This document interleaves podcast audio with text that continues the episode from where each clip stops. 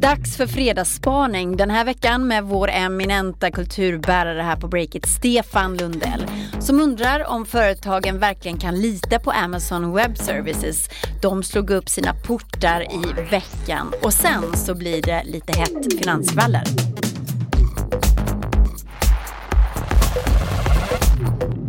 Det är fredagen den 14 december. Välkommen som fredagsspanare Stefan Lundell. Tack så mycket. Jag är eh, hedrad att vara här i studion. Du, jag har ju beställt en vignett till fredagsspaningen över nätet för 7 dollar. Känns det okej? Okay? Det låter som hittat. Vi får höra om det är väl investerade pengar. Lyssna här.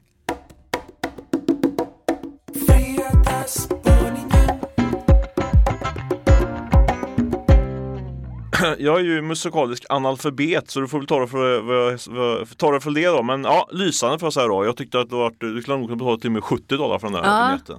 En snubbe i Argentina, Andros, har gjort den. Underbart. Det är gig-ekonomin i koncentrat. Okej, okay, men då kör vi. Vi ska alltså börja fredagsspaningen i Snowden-skandalen. Visselblåsaren Edward Snowden avslöjade för världen att den amerikanska säkerhetstjänsten NSA lätt kan få tillgång till all data som flödar i techjättarnas kablar. I Googles, Facebooks och Amazon Web Services till exempel. Och Eh, just Amazons eh, datahantering är högaktuell här i Sverige just den här veckan när Amazon Web Services slagit upp portarna till tre splittnya datacenter i Västerås, Eskilstuna och Katrineholm.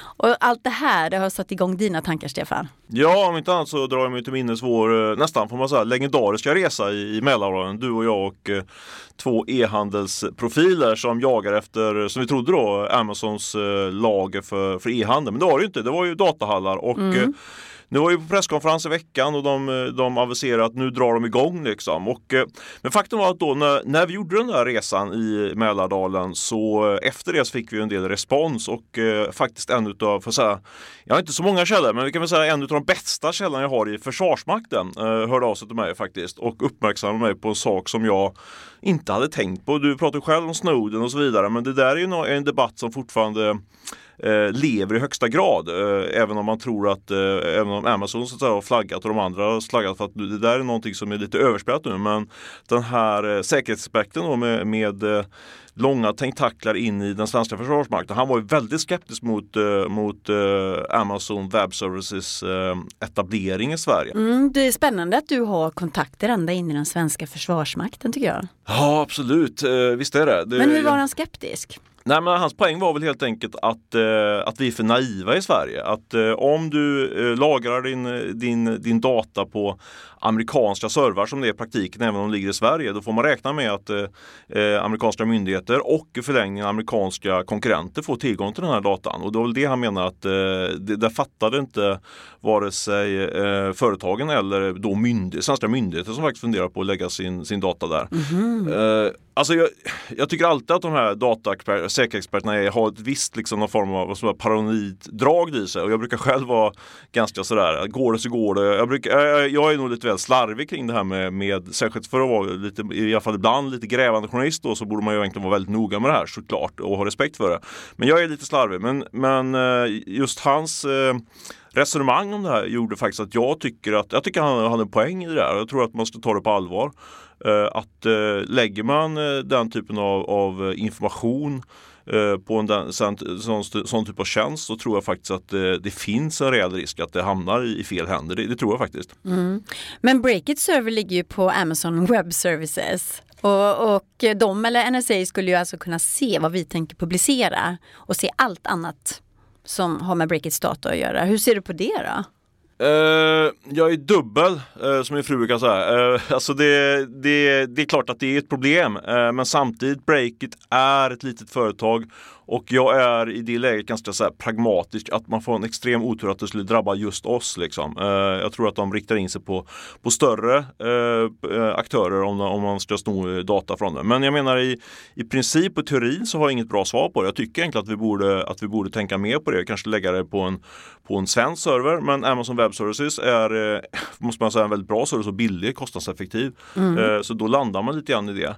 Men jag vet, eh, apropå alltså, kontakt kontakter och, och källor som jag har. Jag prat, I det här sammanhanget så fick jag faktiskt vara ytterligare en person jag pratade med som, som inte jobbar inom försvaret men jobbar väldigt högt upp i ett stort eh, detaljhandelsföretag. Och eh, där hade man faktiskt tagit beslutet att man inte skulle lägga sina servrar på, hos Amazon just på grund av att man tänker lägger man det här hos Amazon så kan det gå vidare till, till konkurrenter eh, som, som man inte vill och då, ja, men då, då tar man hellre den kostnaden och lägger någon annanstans. Så mm. det, det där är ändå, eh, kalla mig paranoid eller inte, men jag tror att det är ett rejält problem som folk eh, faktiskt brottas med på, på toppnivå i den svenska företagsvärlden. Spännande fredagsspaning om potentiellt företagsspioneri. Spionage va? Spionage! Ja. Det är inte lätt att snubbla på orden här nu när det är fredag. För vi, får, vi har inte ens börjat dricka vin än. Liksom. Nej, jag dricker inga vin. Men ja, jo, det händer väl.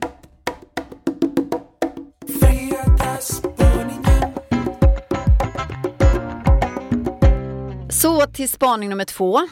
Det ska handla om börsen, lite skvaller. Vad är det du har snappat upp? Ja, jag älskar ju eh, börsen i allmänhet och finansskvaller i synnerhet kan man säga. Eh, eller säga, det är sanningen faktiskt. Dagens sanning. Eh, som min morbror brukar säga, men nu ska jag fortsätta blanda in min, min Hela familj. Hela släkten ska in. Ja, precis. Eh, nej men så här, Dagens Industri skrev i början av veckan att eh, det så kallade börsfönstret eh, var stängt. Känner du till begreppet Vad är ett börsfönster? Nej, det, nej, det är lite grann som Norrlandsfönstret i, i, i fotboll och idrott. Sådär. Man, det är helt enkelt att eh, börsfönstret är stängt innebär att man, det, man kan inte sätta ett bolag på börsen och det där är ju liksom en eh, är ju egentligen inte så binärt att det är plus eller minus men man brukar ändå prata om det i finansvärlden. Varför då? För att det är sådana här jul eller? Nej, det är tvärtom kan det faktiskt vara något som eldar på att man vill stänga affären innan jul. Så det, det, det brukar vara, det, det tidsspannet är någonting som, som eldar på en sån här process. Nej, det är helt enkelt att eh, riskaptiten hos investerarna har gått ner. Det har varit väldigt skakigt på börsen eh, under hela hösten egentligen. Om folk är mer rädda, mer försiktiga, då är det mycket svårare att sätta ett bolag på börsen. Eh, och som sagt, Dagens Industri konstaterar att det varit eh, iskallt för börsnoteringar under hösten. Eh, och nu har jag grävt upp Eh, ytterligare ett sådant exempel kan man säga på mm. ett mhm. bolag som har, som har lagt sina börsplaner helt enkelt på is då nu inför jul. Vad är det för bolag då? Det är ett bolag som heter Peers eh, som jag, som inte är världens kändaste kanske men, men faktiskt har ett rätt känt varumärke om man är intresserad av motorcyklar. 20, 24MX eh, heter varumärket. De säljer helt enkelt motorcyklar och även snöskotrar faktiskt på nätet och diverse tillbehör till de här, eh, till de här maskinerna. Men det vore ju timing tänker man nu när det snart ska börja snöa då att man börjar sälja sådana här saker så väldigt dumt att lägga den på is, den börsnoteringen jag tror ändå att de, det, det, man, man, måste nog räkna in lite andra faktorer i det där. Det hade man nog räknat med att man skulle sälja det bra innan jul också. Så, där. så jag, tror, nej, jag tror inte att det, det var ett, en, en orsak till att trycka ut bolag på börsen. Utan det är anledningen till att man eh, nu lägger det här på is. är Dels tror jag att det här eh, mycket mer kärva läget då bland investerarna. Men också har jag fått höra att de är på väg att göra ett större förvärv i Tyskland. Eh, och då vill man liksom köpa in det där bolaget först, paketera in det i koncernen och sen då kanske sätta bolaget på börsen när, när klimatet då också kanske lite mer aptitligt. Mm -hmm. Har eh, det hänt något annat kul i veckan? Du brukar springa på luncher och frukostar med eh, källor. Något skvaller? Ja, faktiskt. En riktigt rolig. Det handlar ingen vare sig lunch eller frukost eller, eller middag. Men det var faktiskt ett mejl som dök upp i min mejlkorg från en kille som heter Hossein Sadder. Känner du till honom? Nej, vem är det?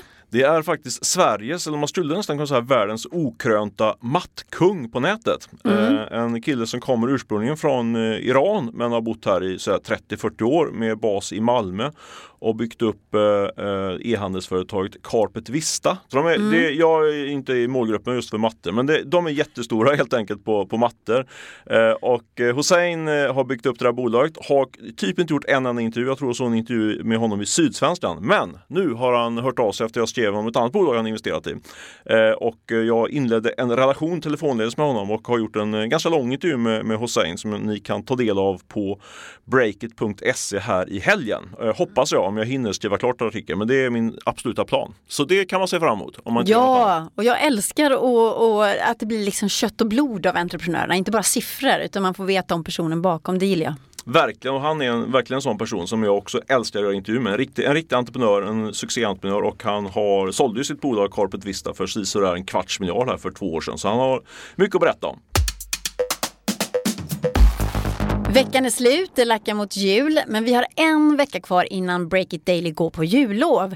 Eller tyvärr kanske lägger ner för gott. Vi jagar just nu sponsorer så att podden kan leva vidare. Stefan, tror du på ett liv efter jul för podden? Ett liv efter detta tror jag på. Jag tror på ett liv efter jul, även för podden eh, kan jag säga. Vi, ingenting klart, så är det i entreprenörslivet, men vi kämpar vidare och har en hel del spännande leads på gång på, på väg ut. Och framförallt tycker jag ju du, Katte, gjort ett grymt jobb här i podden under Åh, hela tack. hösten. Så det är självklart ska vi försöka lösa det här på ett eller annat sätt. Men eh, skulle ni få för er och gå in som tung sponsor i den här podden, vilket jag tycker ni ska göra, så vad fasen ring mig direkt på 070 755 1285. Min lina är alltid öppen. Ansvarig utgivare för den här podden är Ola Aronsson, Stefan Lundell var fredagsspanare och jag heter Katarina Andersson.